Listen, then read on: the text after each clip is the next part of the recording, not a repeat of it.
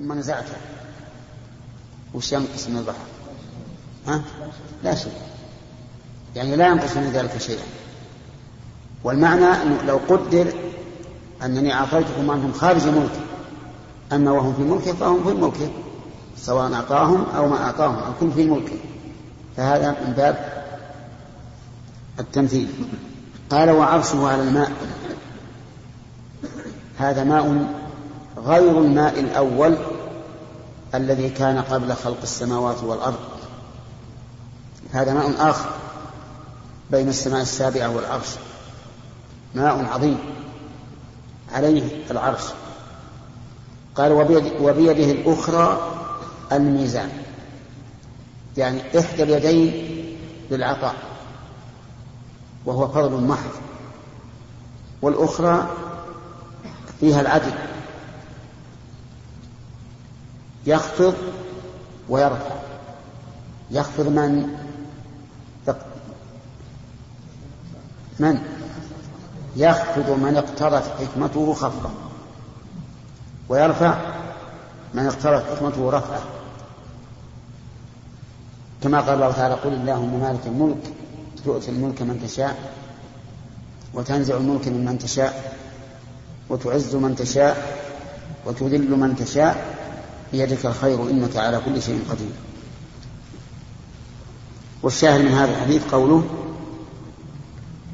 يد الله ملكا وبيده الأخرى. فأفاد هذا الحديث أن لله عز وجل يدين اثنتين. نعم. سليم.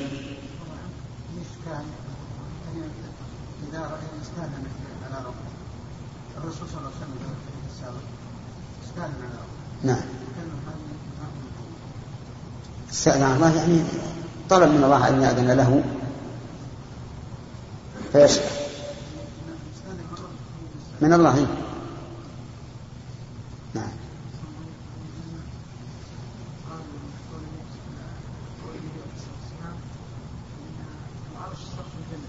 نعم نعم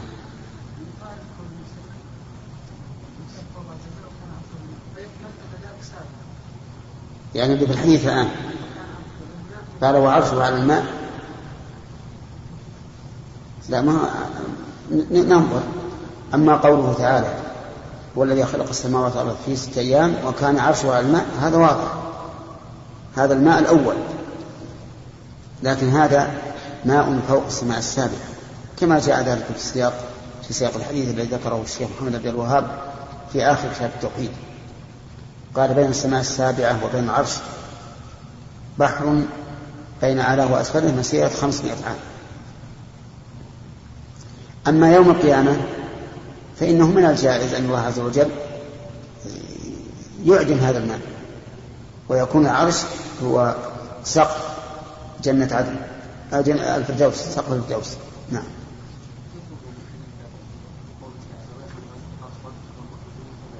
نعم. اي ما يمنع ان يكون على الماء محمود. هذا شيء متصور. مع أن الآية الذي ذكرت هذا يوم القيامة. يحمل العرش فوقهم يومئذ ثمانية. أما الآن فالمشهور أن أن حملة العرش أربعة. نعم.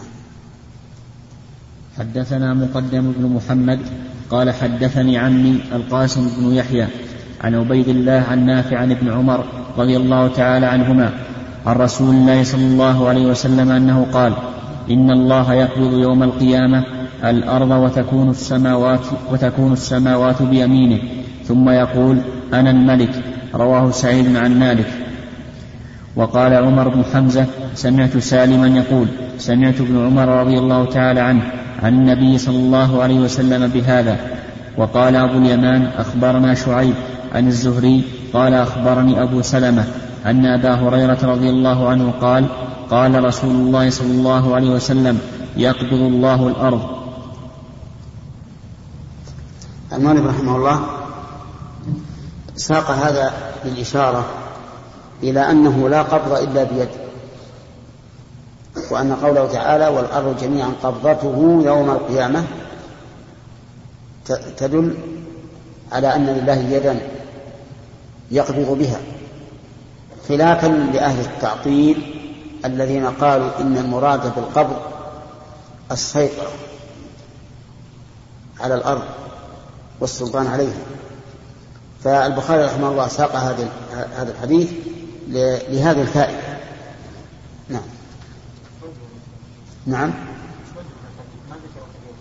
كيف؟ القبض قبضته هذا معنى. لم لم يقل الله عز وجل والأرض في قبضته. قال قبضته والقبضة ما يقبض باليد. هذا مدلولها اللغوي فهو ظاهر اللفظ. نعم.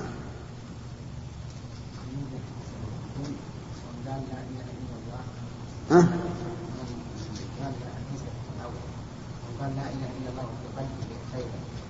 مثقال ذرة. من الخير أو يعني مثلا ما يصلي اللي ما يصلي ما عنده مؤمن نقول له الحمد لله صل لله ما دام تقول الحمد لله صل لربك. فين هذه حجة واهية يا آدم؟ ما دام عندنا حديث صحيح بين الرجل وبين الشرك والكفر. إيش؟ نعم. حدثنا مسدد قال سمعت يحيى ابن سعيد عن سفيان قال حدثني منصور. عندي سمع أنه سمع. نعم.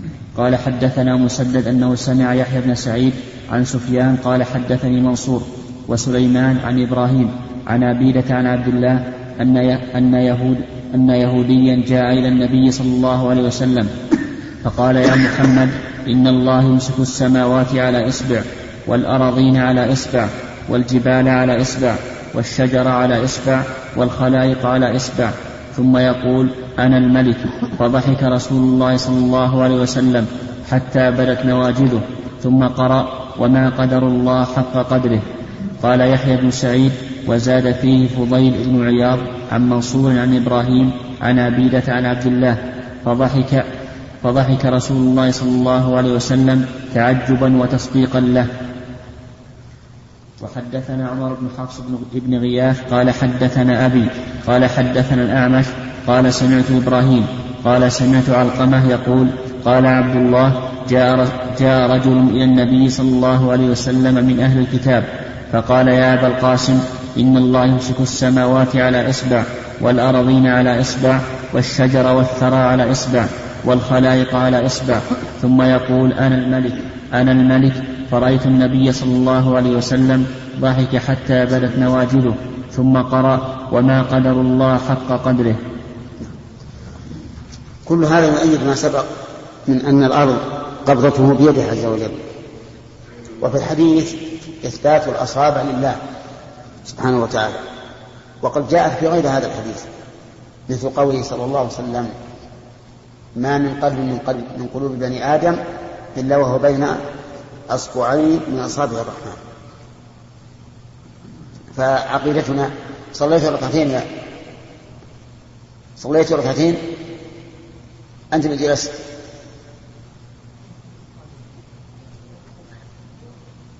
صلاة ركعتين.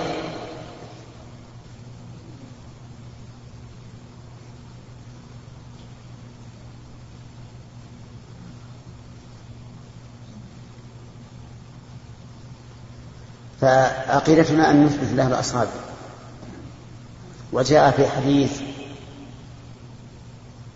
اختصام الملأ الأعلى أن له أناما فإذا أثبت الله لنفسه أو أثبت له رسول أي صفة كانت فلا تستوحش منها. أثبتها لله لكن اجعل أمامك شيئين الأول انتفاء المماثلة. لقوله تعالى ليس كمثله شيء. الثاني امتناع التكييف لقوله تعالى ولا تقف ما ليس لك به علم. فإذا ضمنت لنفسك هذين الأمرين انتفاء المماثلة وانتفاء امتناع إيش؟ التكييف فاستقر ولا تستوعب لا تستوعب من أي صفة يثبتها الله لنفسه أو يثبتها له رسوله صلى الله عليه وسلم. وفي الحديث الأول ذكر خمسة أصابع وفي الحديث الثاني ذكر أربعة ولا منافاة لأن نأخذ بالزائد. ونقول هذا يرد من يقع من اختلاف الرواة ولا يضر. المهم ثبوت أصل الشيء وهو الأصابع. وإصبع في اللغة العربية يقولون لا يمكن أن يخطأ فيه ألحن الناس. لا يمكن أن يخطأ فيه ألحن الناس. يعني من حيث التصريف لا من حيث الإعراب. الإعراب يمكن يلحن فيه. يمكن يقول قطعت أصبع بالسكينة ممكن. هذا لحن. لكن من الناحية التصريفية لا يمكن أن يخطئ فيه أحد. وأنشدوا لذلك بيتا جمع معه الأنملة. وأظن الأخ خالد اسمعنا إياه. قيد العهد من قيد العهد ناصر. التسع في التسع. اليوبي يشرحنا همزة أنملة ثلث الهمزة فيها حركات ثلاث انطق بها.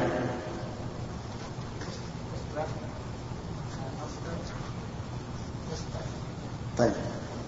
وثالثه يلا منصور يعني وجب الإصبع. دخل شيء شيء. أي. وأنملة طيب ليش قال يا عبد الله التسع في أصبع كيف؟ وهي ثلاثة ثلاثة ستة ثلاث ثلاث كم؟ طيب كيف قال التسع في أصبع هذا أثبت أن فيها تسع لغات.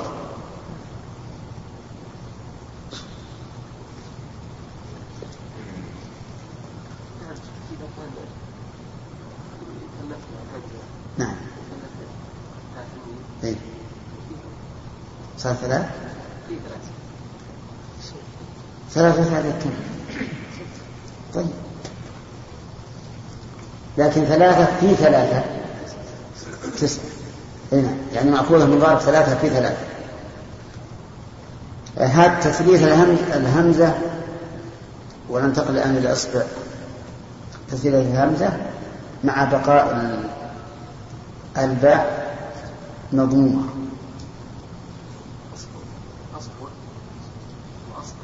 لا الهمزة مضمومة أصبع.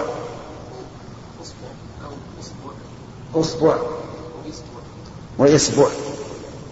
تمام. طيب. يلا حجاج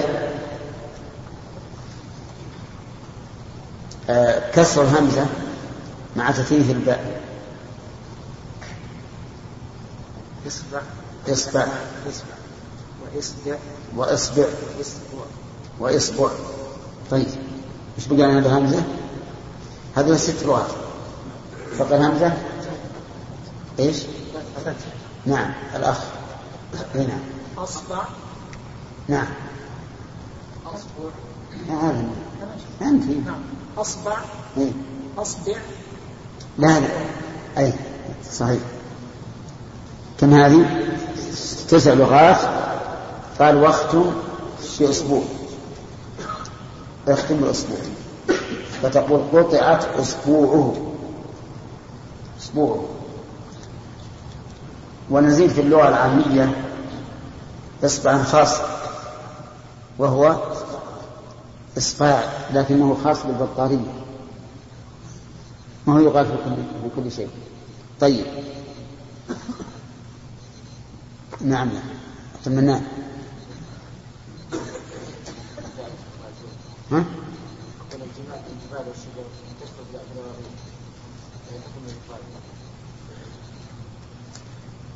الله عن كل شيء قدير. قادر على أن يفصل هذه من هذه في, ذاك الوقت. طيب بقينا بضحك الرسول عليه الصلاة والسلام. تعجبا وتصديقا له.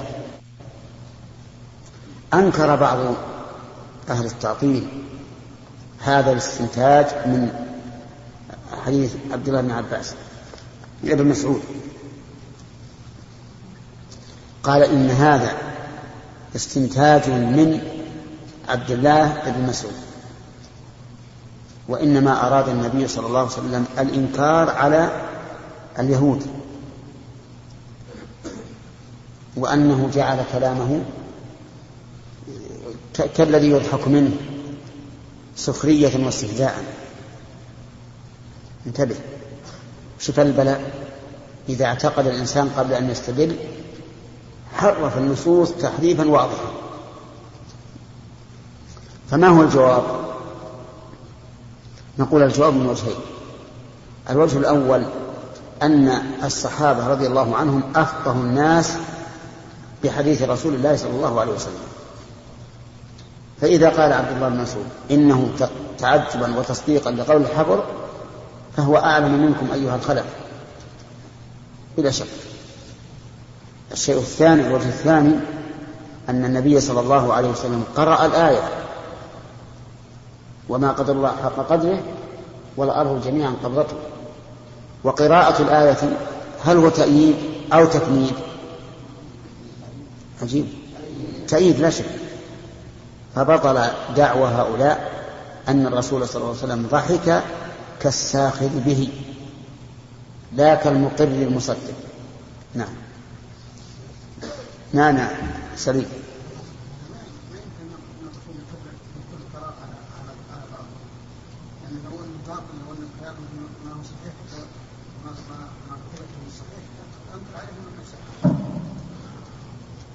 ما في شك. يقين. لكن لو حدثك إنسان بحديث غير صحيح ترى أن أنه غير صحيح. ثم ضحكت عليه. ضحكت. هو لا أصبر خليك معي. والقرينة تدل على أنك ساخر به. ما يمكن هذا؟ الرسول يمكن يضحك ساخرا باليهود لو جاءوا بباطل. لكن الرسول عليه الصلاة والسلام أيد هذا بقوله بقراءة الآية. وما قدر الله حق قدره. لكن كما قلت لكم البلاء كل البلاء يحصل في مثل هذه الأمور مما إذا اعتقد الإنسان قبل أن يستلم ولهذا يجب أن يكون الإنسان بالنسبة للنصوص سادة خاليا من أي شيء حتى تكون النصوص هي الواردة ويكون هو التابع للنصوص ما عندي نخرج الموضوع كم باقي؟ ها؟ ثلاث؟ نعم منصور. على إيش؟ إيش؟ نعم. في في أحاديث بهذا. طيب. في أحاديث بهذا. ذكرها آه، ابن كثير في البدايه والنهايه وذكرها أيضا من تكلموا على هذه المسألة أنها اربعه لكن لا من لفظ الحديث بهذا. نعم.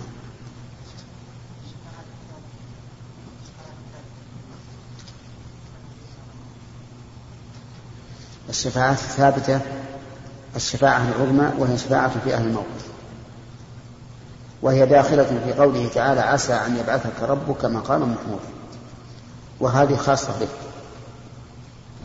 شفاعة أخرى خاصة به الشفاعة في أهل في أهل الجنة أن يدخلوا الجنة. لأن أهل الجنة يصلون إلى باب الجنة ولا يدخلونها حتى يشفع النبي صلى الله عليه وسلم لهم في دخولها هذه ثنتين خاصة به. الثالثة شفاعته في عمه أبي طالب. فإن الله تعالى أذن له أن يشفع في عمه أبي طالب مع أنه كافر. لكن هذه الشفاعة لعم أبي طالب لم تخرجه من النار. بل جعل في ضحضاح من نار وعليه نعلان من نار يغلي منهما دماغه. أعوذ بالله. عرفت؟ هذه ثلاث خاصة به. الشفاعة العامة التي له ولغيره ذكرها أهل العلم في من استحق النار ألا يدخلها وفي من دخلها أن يخرج منها. وهذا النوع من الشفاعة يكون في الدنيا ويكون في الآخرة. يكون في الدنيا كقوله صلى الله عليه وآله وسلم ما من رجل مسلم يموت فيقوم على جنازته أربعون رجلا لا يشركون بالله, بالله شيئا إلا شفعهم الله فيه. يعني قبل شفاعتهم لأنهم يدعون له في الصلاة عليه. اللهم اغفر له اللهم ارحمه. عرفت؟ نعم. وبالمناسبة في صلاة الجنازة نبدأ أولا بالفاتحة ثم بالصلاة على النبي صلى الله عليه وسلم ثم بالدعاء لنا ثم بالدعاء للميت. لأن حق الله مقدم على كل شيء وحق الرسول مقدم علينا بأنفسنا. ثم حق عموم المسلمين ثم حق الميت الخاص. في في في التشهد نبدأ بحق الله ثم حق الرسول ثم حقنا نحن ثم حق العموم. عرفت؟ حق الله التحيات لله والصلوات والطيبات. حق النبي السلام عليك أيها النبي ورحمة الله وبركاته. حقنا نحن السلام علينا. وعلى عباد الله مما يدل على أن مما يدل على أن حق الله مقدم على كل شيء. ثم حق الرسول مقدم على حقه. ثم نبدأ بأنفسنا قبل غيرنا. السلام علينا. وعلى عباد الله الصالحين. بسم الله الرحمن الرحيم. الحمد لله والصلاة والسلام على رسول الله. قال البخاري رحمه الله تعالى باب قول النبي صلى الله عليه وسلم لا شخص أغير من الله. حدثنا موسى بن إسماعيل التبوذكي قال حدثنا أبو عوانة قال حدثنا عبد الملك عن وراد كاتب كاتب المغيرة عن المغيرة رضي الله تعالى عنه قال قال سعد بن عبادة رضي الله تعالى عنه لو, لو رأيت رجلا مع امرأتي لضربته بالسيف غير لضربته بالسيف غير مصفح. فبلغ ذلك رسول, رسول الله صلى الله عليه وسلم فقال تعجبون من غيرة سعد. والله لأنا أغير منه والله أغير مني ومن أجل غيرة الله حرم الفواحش ما ظهر منها وما بطن. ولا أحد أحب إليه العذر من الله. ومن أجل ذلك بعث المبشرين والمنذرين ولا أحد أحب إليه المدحة المدحة من الله ومن أجل ذلك وعد الله الجنة. وقال عبيد الله بن عمر عن عبد الملك لا شخص أغير من الله. بسم الله الرحمن الرحيم. هذا الباب أراد المؤلف رحمه الله أن يبين فيه صفة الغيرة لله عز وجل. وهي من صفاته التي جاء بها الحديث عن رسول الله صلى الله عليه وسلم كما سمعتم. والغيرة هي أن يغار الإنسان على فعل ما ما يكرهه. يعني يطلب كأنه يطلب تغييره. كان يطلب تغيير ما حصل مما يكرهه. هذا أصل اشتقاق الغيرة. أن الإنسان يكره أن الغائر يكره ما حصل ويريد تغييره. فهل يوصف الله بالغيرة؟ الجواب نعم يوصف الله بالغيرة كما يوصف بالفرح والضحك والعجب وما أشبهه. وهذه الصفة من الصفات الفعلية التي تتعلق بمشيئته لأن الضابط أن كل صفة لها سبب فهي من الصفات الفعلية.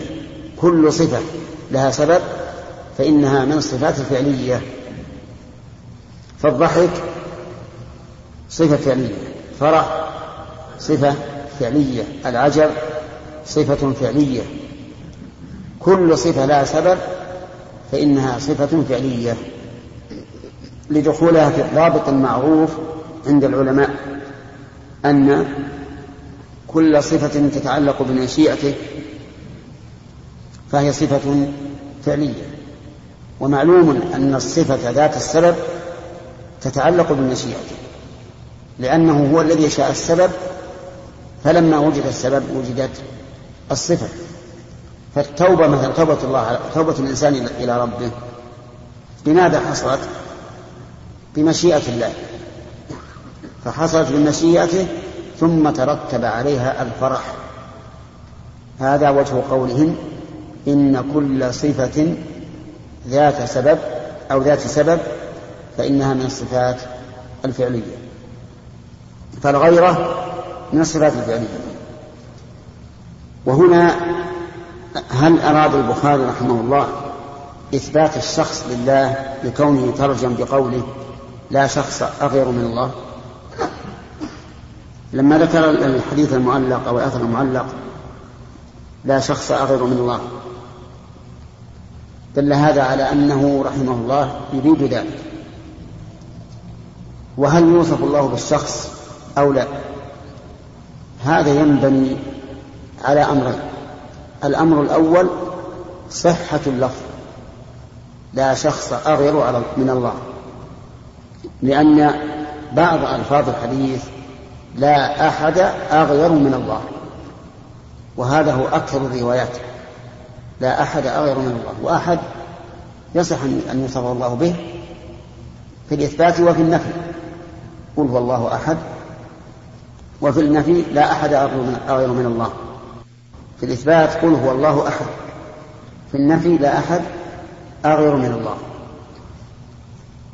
فلا بد أن نبحث هل هذه اللفظة محفوظة أو غير محفوظة؟ ثانيا إذا كانت محفوظة وأن الرواة الذين رووا الحديث رووه بالمعنى فبعضهم عبر بالشخص وبعضهم عبر بأحد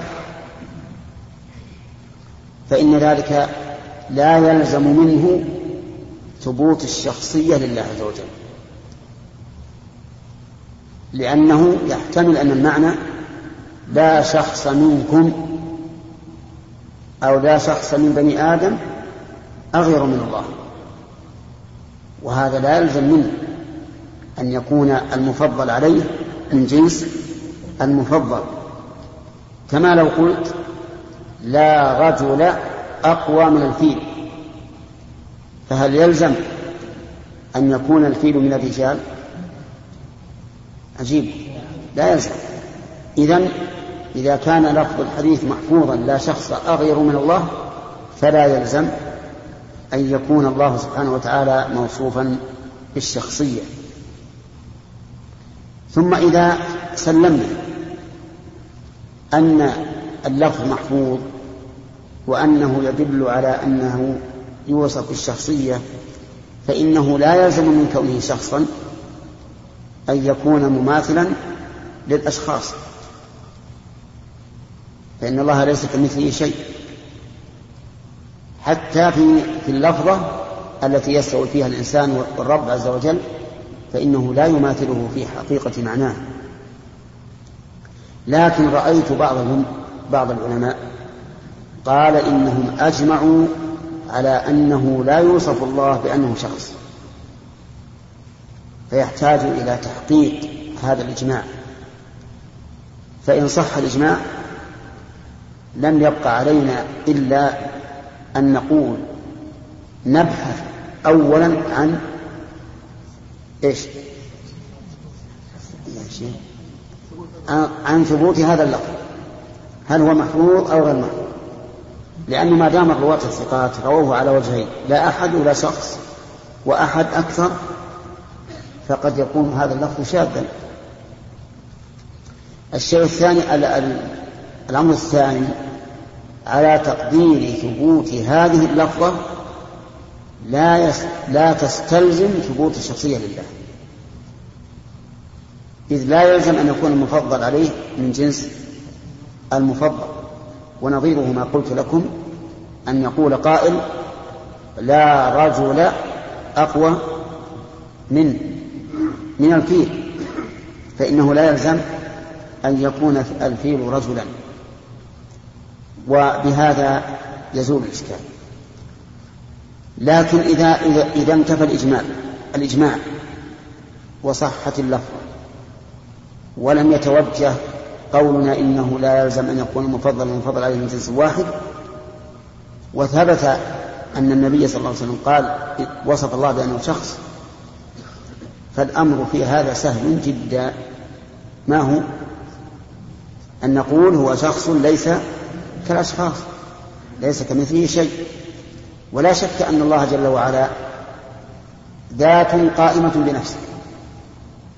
لا شك في هذا. لكن هل هو مثل الذوات الأخرى؟ لا. له ذات تختص به لا يعلم كيفيتها إلا هو عز وجل. وفي الحديث من المسائل بيان غيرة سعد بن عبادة وهو سيد الخزرج. وسعد بن معاذ سيد الأوس فالسعدان سيدان. أحدهما سيد الأوس والثاني سيد الخزرج والخزرج أكبر من الأوس وأشد في الحروب. لكن لكل قبيلة منهما خصائصها. سعد بن عبادة رضي الله عنه عنده غيرة شديدة حتى قيل إنه إذا طلق امرأة لم يتزوجها أحد بعده لشدة غيرته. فالله أعلم بصحة هذا لكن هذا الحديث يدل على شدة غيرته. يقول لو رأيت رجلا مع امرأتي لضربته بالسيف غير مصفح معنى غير مصفح يعني لا أضربه بصفحته أضربه بحده. وإذا ضربه بحده يعني أنه إيش؟ قتله قطعه نصفين. فقال النبي صلى الله عليه وآله وسلم نعم فبلغ ذلك النبي صلى الله عليه وسلم فقال تعجبون وفي لفظ أتعجبون من غير سعد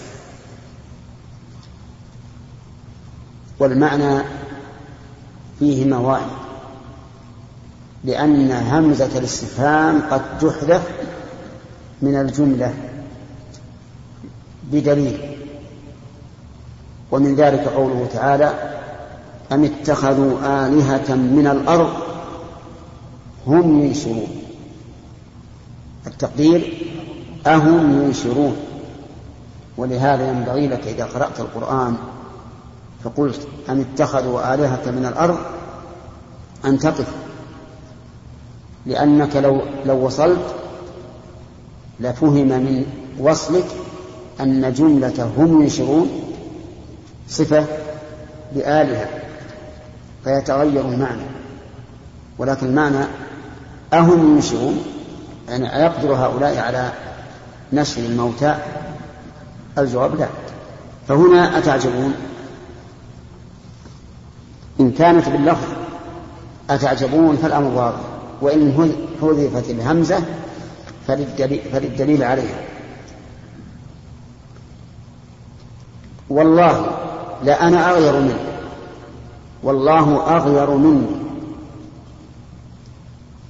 واختلف العلماء في هذا الكلام من رسول الله صلى الله عليه وسلم أهو أقرار أو إنكار؟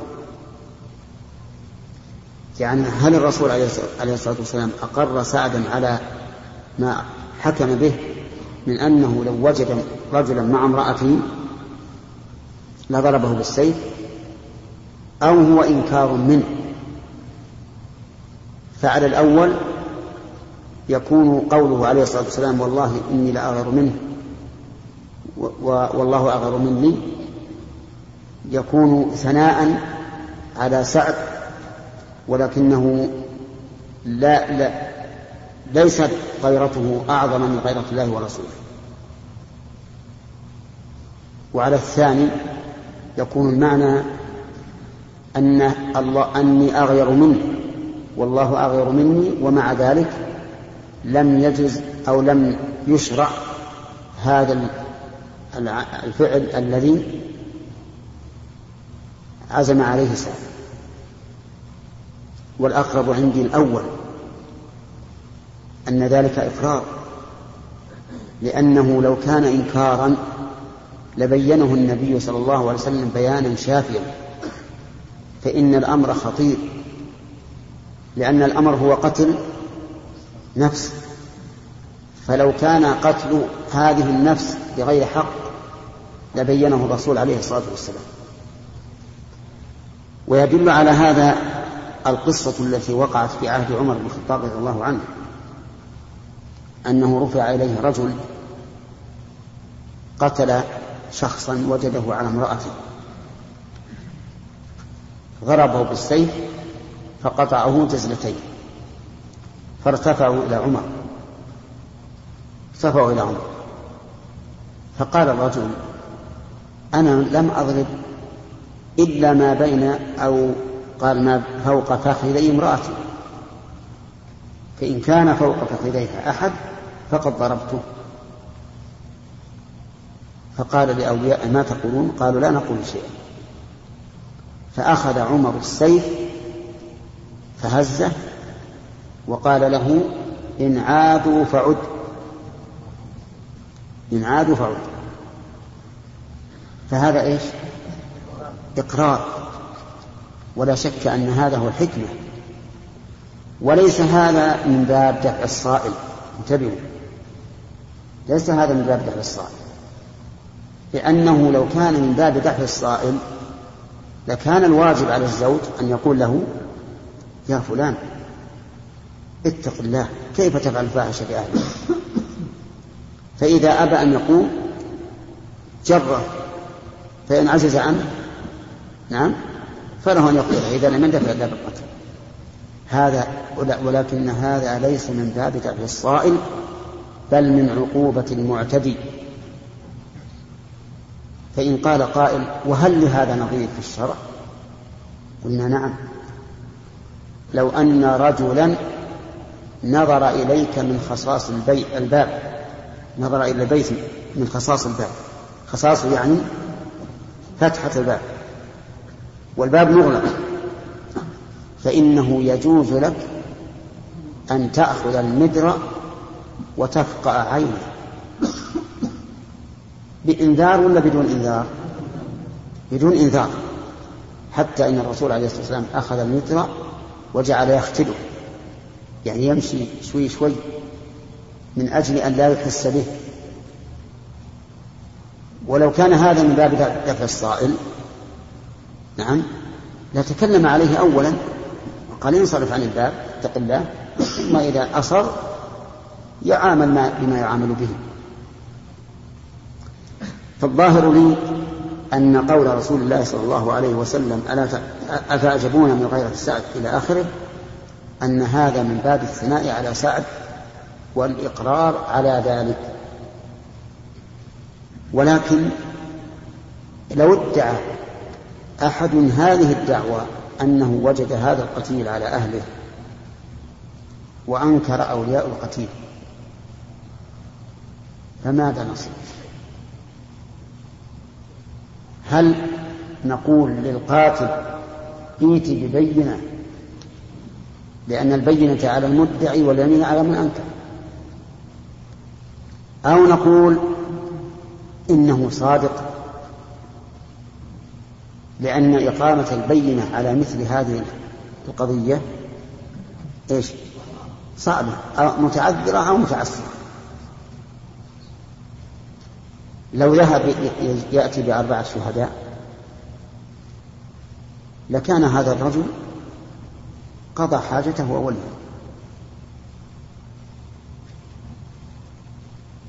ولهذا كان سبب كلام سعد بن عبادة رضي الله عنه سببه أن الله أنزل والذين يرمون المحسنات ثم لم يأتوا بأربعة شهداء فجلدوهم ثمانين جلدة.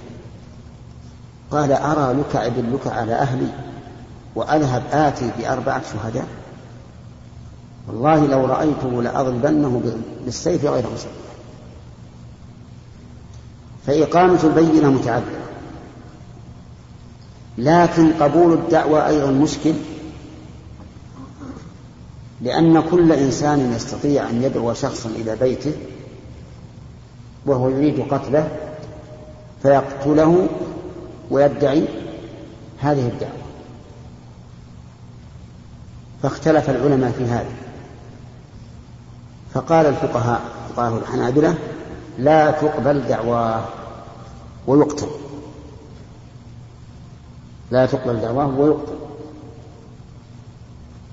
لأنه قتل نفسا محرما. ويكون تكون هذه المصيبة عليه رفعة درجات له عند الله. ولكن حبر زمانه وإمام من بعده شيخ الإسلام ابن تيمية قال لا تأتي بمثل هذا شريعة الإسلام المبنية على العدل والحكمة بل يجب أن ينظر فإذا كان المدعي رجل خير وعدلا وكان المقتول شريرا معروفا بالخبث فإن القول قول المدعي القاتل وإن كان الأمر بالعكس فالقول قول أولياء المقتول وقال إنها إن القرائن تثبت بها الأحكام. فالحاكم في قصة يوسف حكم بالقريب قال إن كان قميصه قد من قبل فصدقت وهو من الكاذبين وإن كان قميصه قد من دبر فكذبت وهو من الصادقين فلما رأى قميصه قد من دبر حكم وقال إنه من كيدكن إن كيدكن عظيم. وسليمان أيضا حكم بالقرائن في قصة المرأتين المتنازعتين على ابن ابن لإحداهما فدعا بالسكين فقال أشق الولد نصفين نصف لهذا ونصف لهذا. أما الكبيرة فرحبت بهذا الحكم وأما الصغيرة فأبت. وقالت هو, هو ولدها يا نبي الله. فلمن قضى به؟ للصغيرة. عرف أنها أمه وأنها آثرت حياته على مفارقته.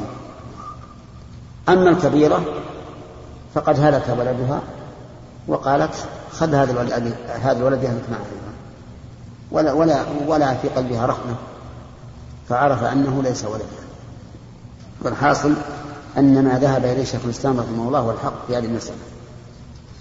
ثم قال في الحديث ومن أجل غيرة الله حرم الفواحش ما ظهر منها وما بطن. ما ظهر وما بطن. ظهر بإيش؟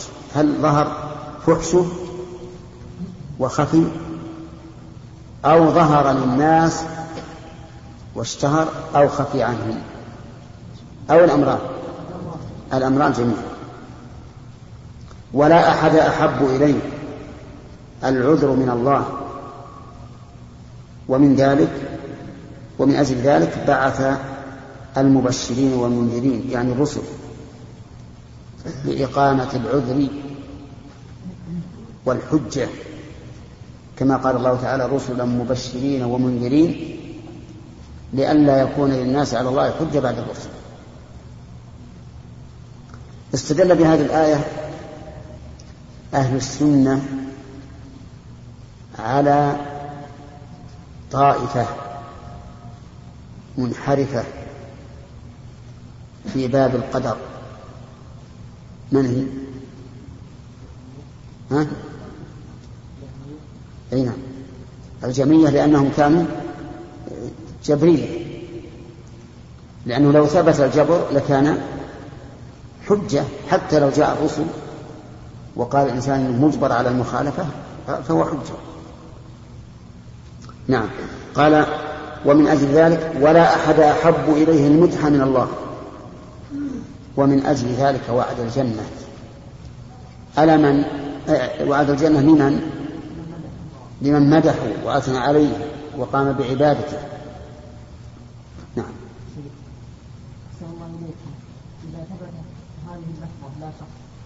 فهل نقول أحسن الله إليكم التقدير؟ لا شخصا بني آدم أو نثبت الشخصية لله عز وجل ونقول بأنها لا تنص شخصية لا إذا ثبتت إذا ثبتت وثبت الدلالة لأن في حديث أخرجه عن السنن أن أبا رزين رزين العقيلي قال يا رسول الله يعني كيف يحاسبنا الله وهو شخص ونحن جميع؟ وهذه إذا ثبتت قطعت النزاع.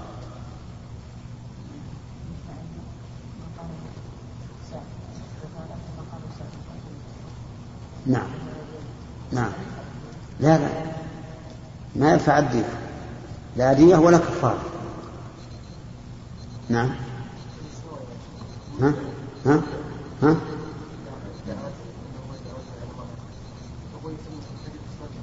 وهو إيش؟